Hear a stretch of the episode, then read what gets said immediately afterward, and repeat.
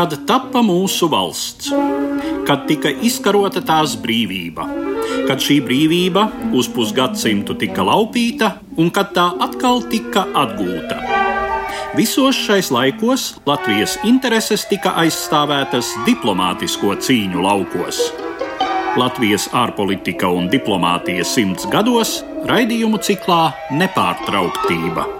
Latvijas radio ēterā reizi mēnesī Eduarda Liniņa sarunās ar vēsturniekiem un Latvijas ārpolitikas veidotājiem. Cikls top ar Latvijas Republikas ārlietu ministrijas atbalstu. Labdien, cienījamie klausītāji! Mūsu šodienas raidījuma temats - Latvijas Republikas un Krievijas federācijas attiecības laikposmā pēc mūsu valsts neatkarības atjaunošanas. Mans sarunbiedrs tiešsaistē - diplomāts, savulaik Latvijas Republikas ārlietu ministrs, šobrīd Latvijas vēstnieks Krievijas federācijā Māris Rieksniņš. Neapšaubāmi vairāk posmi būtu iezīmējami šajā Latvijas jau 30 gadē Es domāju, ka tas sākuma posms gan Krievijā, gan Latvijā bija rūpēties par savu valstiskuma nostiprināšanu, tie starptautiskie līgumi, tās ir diplomātiskās attiecības ar citām pasaules valstīm. Mūsu un Krievijas gadījumā bija tajā brīdī svarīgākais jautājums, kas saistījās ar uh, bijušās okupācijas armijas, PSRS armijas izvešanu no Latvijas. Tā kā es iezīmētu varbūt 91. un 94. gadu, kad šī armija savā pamatkontingenta ziņā atstāja visu triju Baltijas valstu teritorijas. Es to iezīmēju kā tādu īpašu periodu. Pēc tam varbūt kā atskaites punktus netik daudz Krievijas, Latvijas attiecībās, bet Krievijas un Rietumu attiecībās tas ir tomēr saistīts ar tām norisēm, kas notika varbūt mūsu tuvākos vai tālākos reģionos. Un neapšaubāmi tā ir īsā kara darbība Grūzijā 2008. gadā, un tad neapšaubāmi 2014. gads Krimas pievienošana un kara darbība Dienvidaustrum Ukrainā. Starplaikā neapšaubām mainījās Latvijas starptautiski tiesiskā, ja drīkstā teikt, kvalitāte, jo mēs pievienojamies divām spēcīgākām rietumu organizācijām - Ziemeļatlantijas aliansē, NATO un Eiropas Savienībai. Tas neapšaubāmi Manā skatījumā mūsu attiecībās ar Krieviju arī ienesa jaunus elementus. Mēs kļuvām par to organizāciju dalībnieci, kas pieņem lēmumus, kas realizē šos lēmumus, un mēs piedalāmies ar savu balsi, piemēram, NATO aliansē, kur visi lēmumi tiek pieņemti uz vienbalsības principa. Tiešām, ko būs vairāk mums šī dalība šajās organizācijās dod, to pārliecību, ka nekad vairs mūsu likteni nenoteiks citi mums aiz muguras, jo, kā mēs labi zinām, Tas, kas notika 40. gadā, lielā mērā tas bija rezultāts tām vienošanām, kas norisinājās mums aiz muguras. Bet tomēr nu, mēs zinām, ka vēsturiski attiecības starp bijušo metropoli un tai kādreiz pakļauto, vienalga koloniāli pakļauto, kā provinci vai tam līdzīga teritorija, tas vienmēr ir diezgan sarežģīti un tas arī ir specifiski no starpvalstu attiecību viedokļa. Kā jūs raksturotu to specifiku, kuru tomēr nosaka Latvijas un Krievijas attiecībās šī kopīgā vēsture? Es domāju, ka kopīgā vēsture spēlē joprojām ļoti būtisku lomu. Kā visiem, es domāju, klausītājiem ir zināms, tad šī vēsture īpaši pagājušajā gadsimtā ir bijusi ar daudzām traģiskām lapusēm. Gan Latvijā, gan arī Krievijā. Protams, neviens nevar noliekt, ka Otrais pasaules karš Krievijai bija milzīga traģēdija, neaprakstām traģēdija. Bet uh, ir vairākas šīs kopīgās vēstures lapus, kuras ir traģiskas, kuras mēs esam mēģinājuši ar dažādiem panākumiem risināt šajos pēdējos gandrīz 30 gados, kopš mēs atjaunojam savu neatkarību. Ir bijuši periodi, kad šī vēstures lapušu šķetināšana ir gājusi veiksmīgāk, ir bijuši periodi, kad Krievijā Piekļuve arhīviem ir bijusi vieglāka. Tie ir bijušies ar periodiem, kad uh, piekļuve arhīviem, īpaši ārvalstu pētniekiem, ir, ir, ir sarežģītāka. Šobrīd man jāsaka, tā nav vienkārša. Es domāju, šī vēsture joprojām ir dzīva tādā izpratnē, ka joprojām arī Latvijas sabiedrībā ir cilvēki, kas ir personīgi pārdzīvojuši kaut kādas deportācijas uz Sibīriju, kuriem šie vēstures pārdzīvojumi nav vienkārši teorētiska lapuse vēstures grāmatā. Joprojām cilvēki dzīvi un neapšaubāmi viņi arī to redzēt no publikācijām arī Latvijas avīzēs, seko līdzi tam, kas notiek mūsu kaimiņu valstī Krievijā tieši attiecībā uz vēstures izvērtēšanu. Un, uh, un es domāju, ka es neatklāšu varbūt šeit kaut kādu jaunumu, sakot, ka tas, ko mēs redzam Krievijā pēdējos gados, ir mēģinājumi vēsturi pārrakstīt. Atsevišķus jautājumus vai vēsturiskās norises, kas savā laikā ir tikušas raksturotas kā noziedzīgas vai starptautiskās tiesības pārkāpjošas, tagad tiek mēģināts, ja drīkst teikt, pastaucīt zem tepiņa.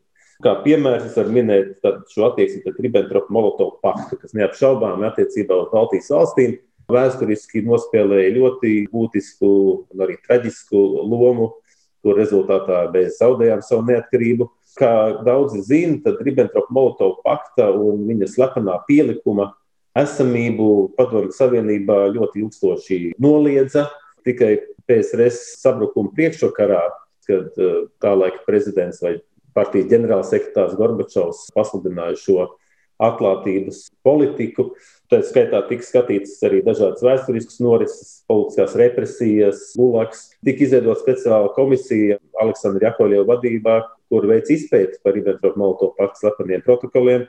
Un 1989. gada decembrī, toreiz tas vēl bija otrais tautas deputātu kongress Maskavā, noklausījās šo ziņojumu un pieņēma lēmumu, ka viņš šajā slepenā protokola daļā ir pretrunā ar citu trešo valstu suverēnām tiesībām, un viņš ir nosodāms.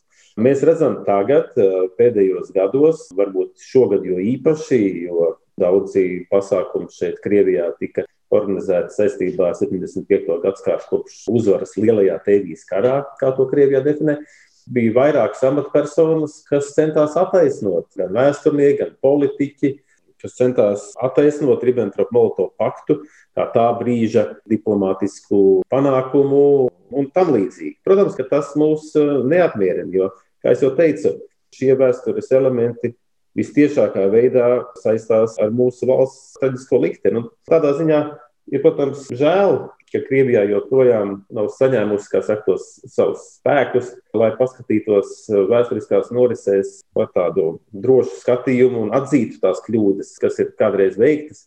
Es domāju, ka jebkuras valsts vēsturē visticamāk var atrast kādas lapus, pa kurām tā brīža sabiedrība nav sajūsmā vai ļoti iepriecināta. Bet es domāju, ka katras valsts tieši spēku parāda tas, cik viņi ir spējīgi paskatīties savā vēsturē bez kompleksiem un godīgi.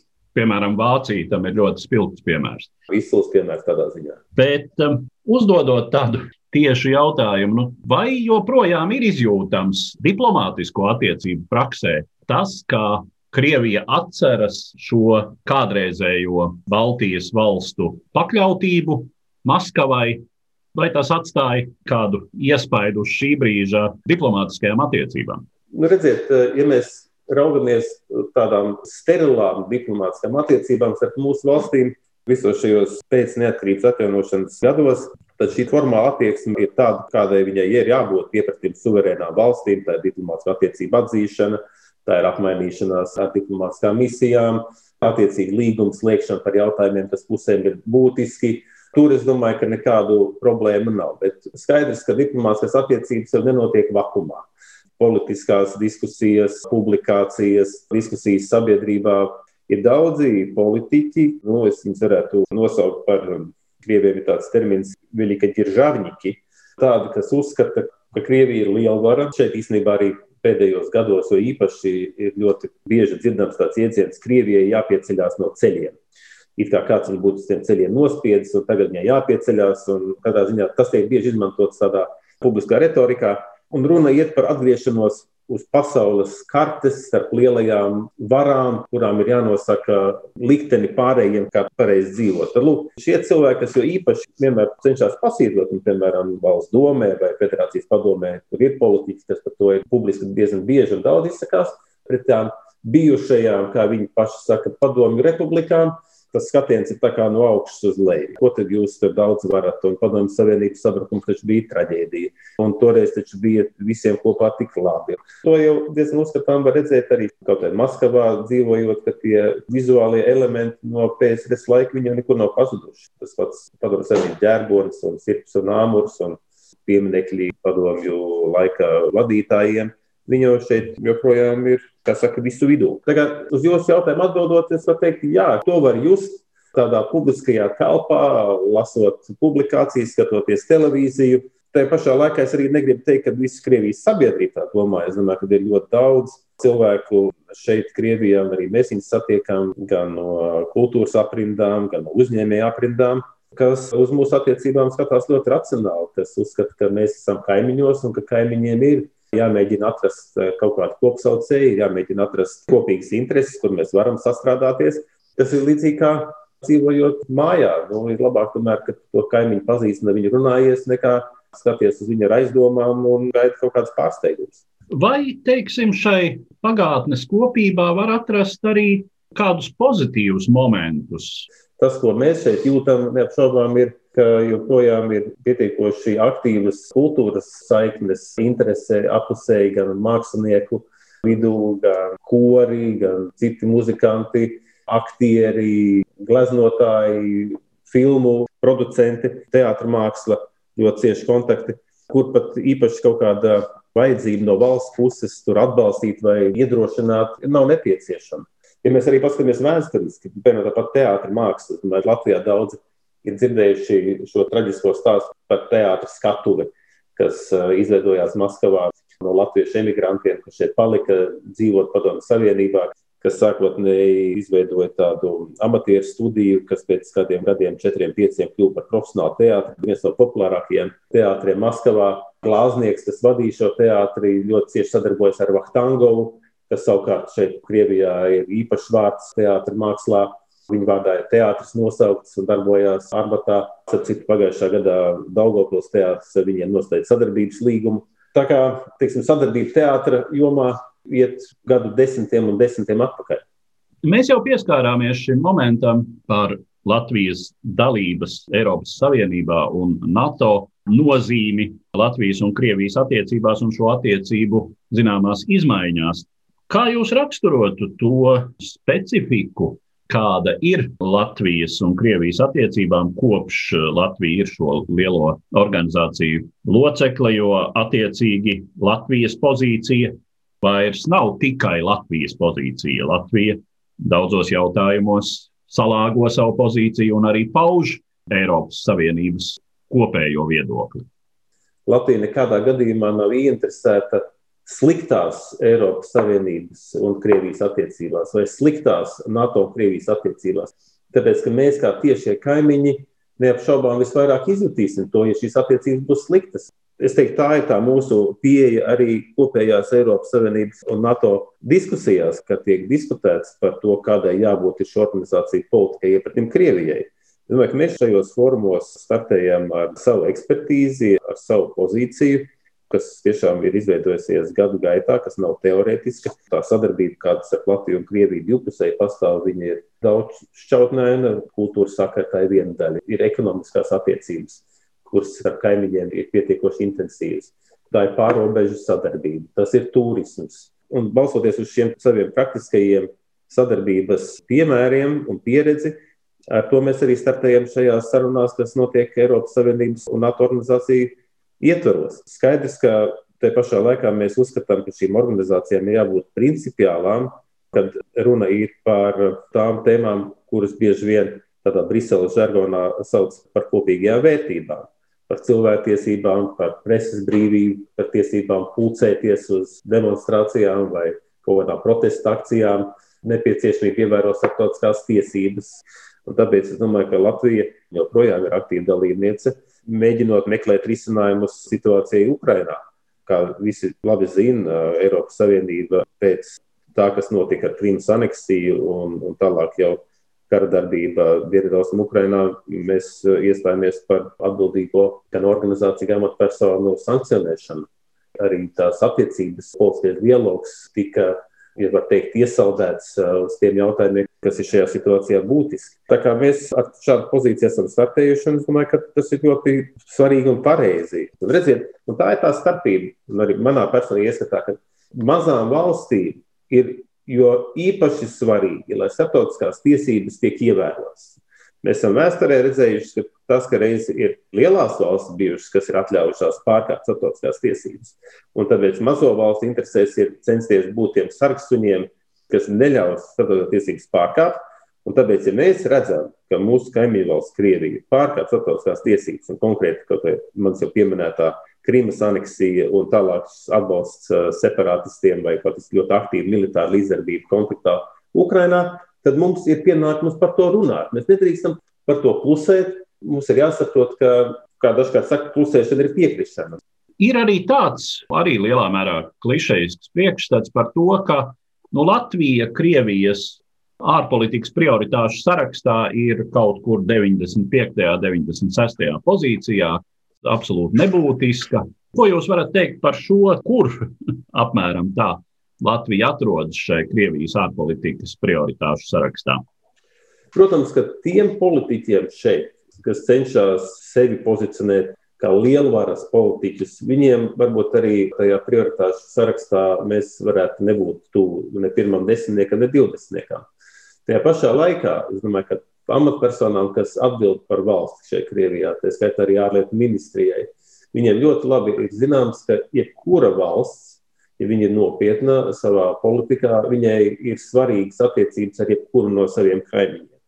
Un tas nekas, ka šim kādam kaimiņam nav kodolieroči, tas nekas, ka šim kaimiņam varbūt nav 100 miljonu iedzīvotāju. Ar kaimiņiem ir svarīgi uzturēt attiecības eh, iespējami labā stāvoklī. Un līdz ar to es teiktu, ka mēs esam svarīgi. Mēs esam svarīgi arī no tirdzniecības attiecību viedokļa. Pirms kādiem diviem gadiem Krievijā notika ļoti liels pasākums, varbūt pat lielākais citu valstu vadītāju ziņā - Krievijas un Āfrikas samits. Kad šeit sabrauc vairāk kā 50 Āfrikas valstu vadītāji, un tad vienā no pasākumiem Krievijas prezidents uzstājās ar savu uzrunu, un viņš īpaši pasvītroja, cik ļoti svarīgi ir attīstīt tirdzniecības attiecības ar Āfriku. Un minēja, ka iepriekšējā gadā, tas laikam viņš runāja par 2018. gadu, šie tirdznieciskie sakari ir pārsnieguši, ja nemaldos, 20 miljardus ASV dolārus. Nu, lūk, ja mēs šim apjomam pretī noliekam, ka Latvijas un Krievijas divpusējās tirdzniecības attiecības ir apmēram 3 miljardi eiro, tad mēs redzam, ka piesauktajam lielajam apjomam starp Krieviju un Āfriku, mūsu apjoms ir ļoti, ļoti zelīgs. Pat tik lielai valstī kā Krievijas federācija. Es domāju, ka tiem, kas veido Krievijas politiku, viņiem tāpat ir labi saprotams, ka Latvija, kā Eiropas Savienības un NATO dalībvalsts, mēs esam daļa no šo organizāciju politikas veidošanas procesa. Un tāpēc, lai ko varbūt kāds arī tur avīzē neuzrakstītu vai televīzijā nepateiktu, es domāju, ka Krievijā pietiekoši nopietni izturās pret visiem saviem kaimiņiem, tā skaitā pret Baltijas valstīm, kā arī mēs izturamies pietiekoši nopietni pret visiem saviem kaimiņiem. Un tomēr, cik jūs izjūtat Krievijas mēģinājumus reizēm tā sacīt spiest ar masu, primāri jau ekonomiskā ziņā, bet nu, droši vien arī reizēm militārā spēka demonstrēšanas ziņā un tam līdzīgi? Es domāju, ka militārā spēka demonstrēšana viņa netik daudz ir vērtējama iepratim Latvijai vai trijām Baltijas valstīm, kā iepratim NATO aliansē kopumā. Šajā ietvarā mēs varam raudzīties gan uz mācībām, kuras notiek mūsu tiešo robežu tūmā. Mēs varam redzēt uz pietiekoši intensīvu militāru gan kuģu, gan avio pārlidojumus starp Pēterburgu un Kaliningradu Baltijas jūras telpā.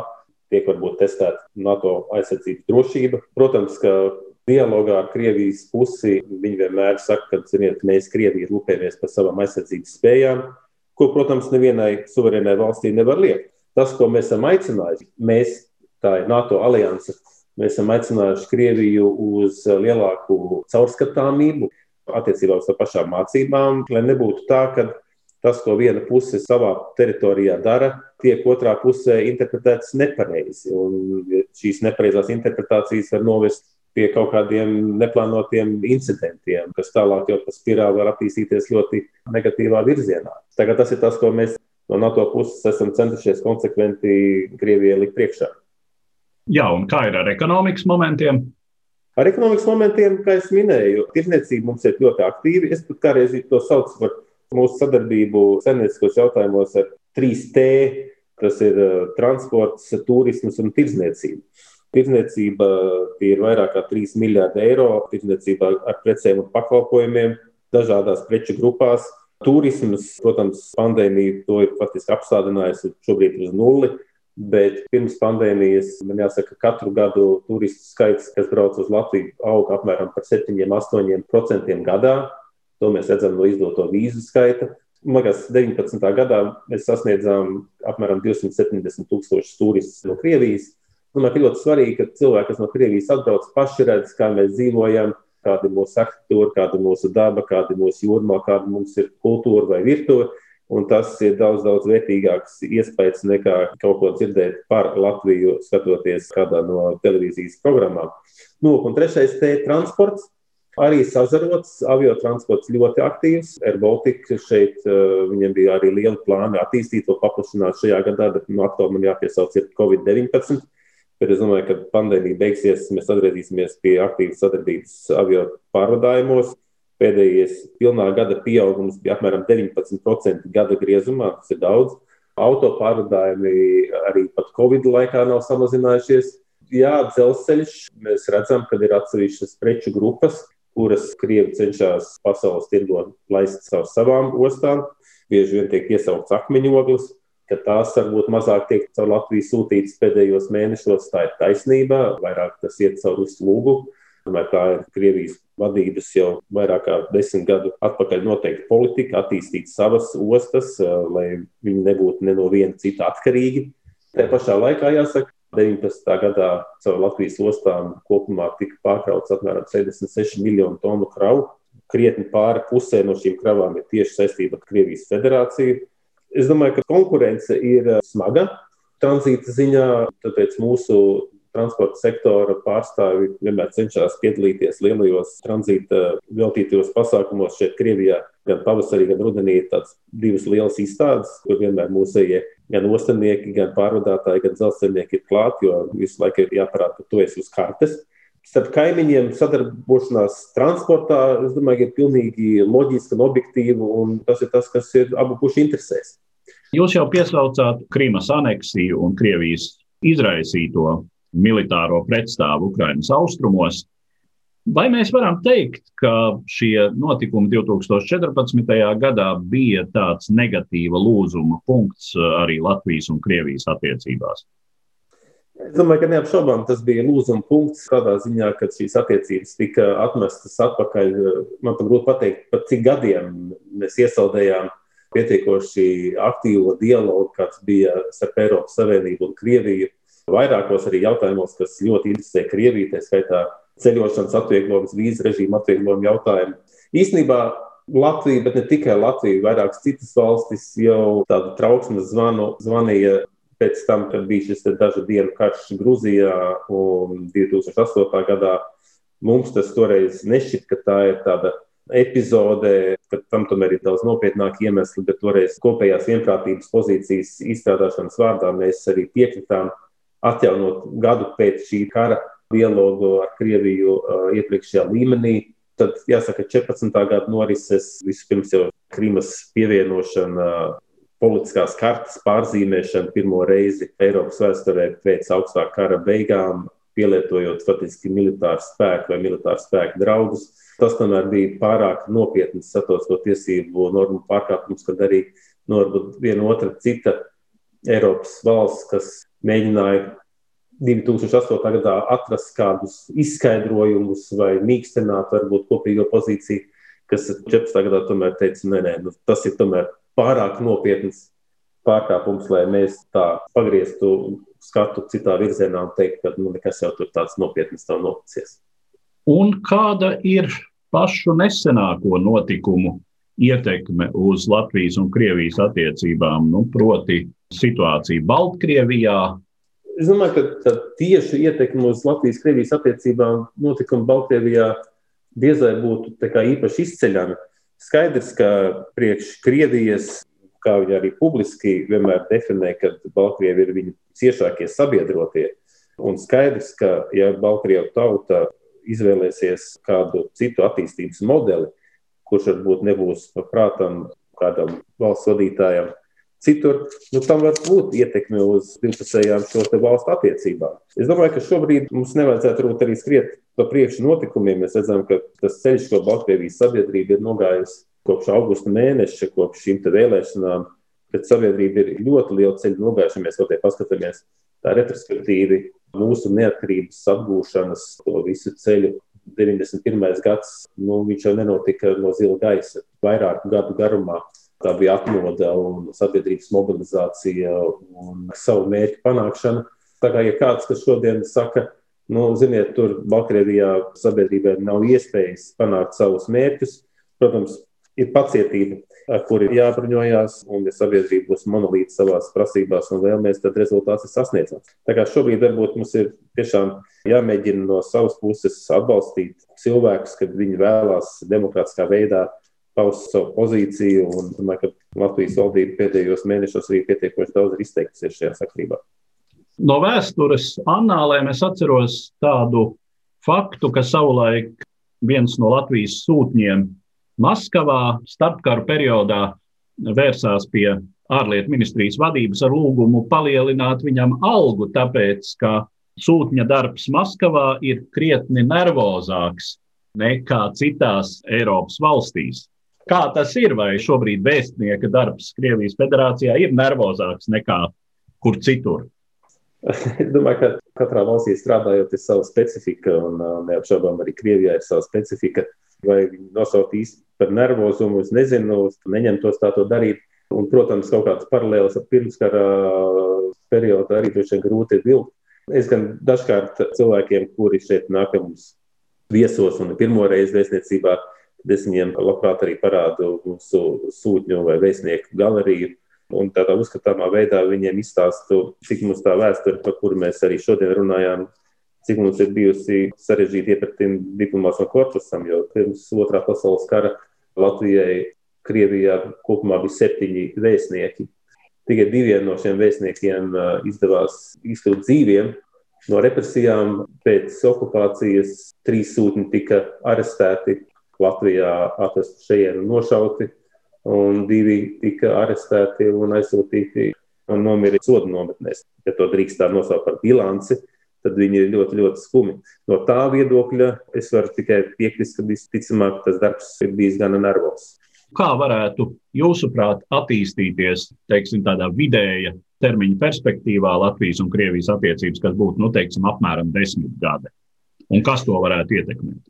Es domāju, ka to var ietekmēt lēmumu pieņēmēji Kremlī, Maskavā, tādā izpratnē, ka Eiropas Savienība kopumā arī Latvija mēs esam pietiekoši skaidri pauduši savu gatavību attīstīt savu sadarbību, kas ir balstīta uz apusējām interesēm un arī ievērojot starptautisko tiesību principus.